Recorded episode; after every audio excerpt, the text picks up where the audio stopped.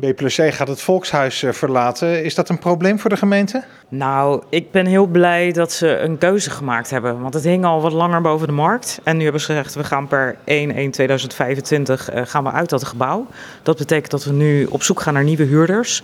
En het liefst huurders uh, die we ook subsidiëren. Hè, want dan kun je op die manier kun je daar nog beter gebruik van maken. Ik zoek ook naar één huurder of meerdere huurders die complementair zijn aan elkaar, zodat je eigenlijk veel langere openingstijden uh, kunt hebben, zodat de exploitatie ook gewoon beter rondkomt. Het is natuurlijk echt een schitterend gebouw, wat uh, helemaal uh, doorloopt tot aan de Haarlemmerstraat.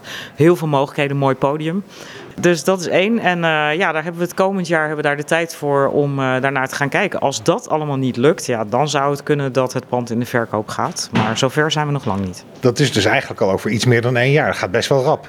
Dat gaat heel rap, ja. En, en, we hoorden ook vanavond in de discussie in de gemeenteraad dat er nog steeds heel veel plekken worden gezocht voor makers. Is dat nog een optie voor het Volkshuis of moet het echt een publieksfunctie meer krijgen?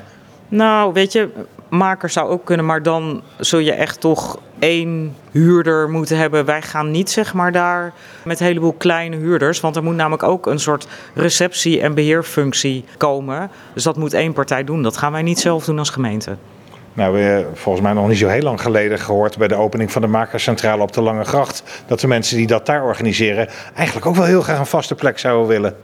Nou, uh, meld je vooral bij mij. Dat zou een optie kunnen zijn. Nou, ik moet zeggen, daar hebben zich al meerdere partijen gemeld van uh, interessant en laten we eens kijken. En uh, ja, je moet dan kijken wat zij willen, welke huur daar aan hangt en hoe je het gewoon rendabel kan maken. Maar dan heeft u het wel over culturele partijen uit de stad en niet over een projectontwikkelaar die er appartementjes in wil maken. Nee, dat is nu zeker niet en het bestemmingsplan laat dat nu ook gewoon niet toe.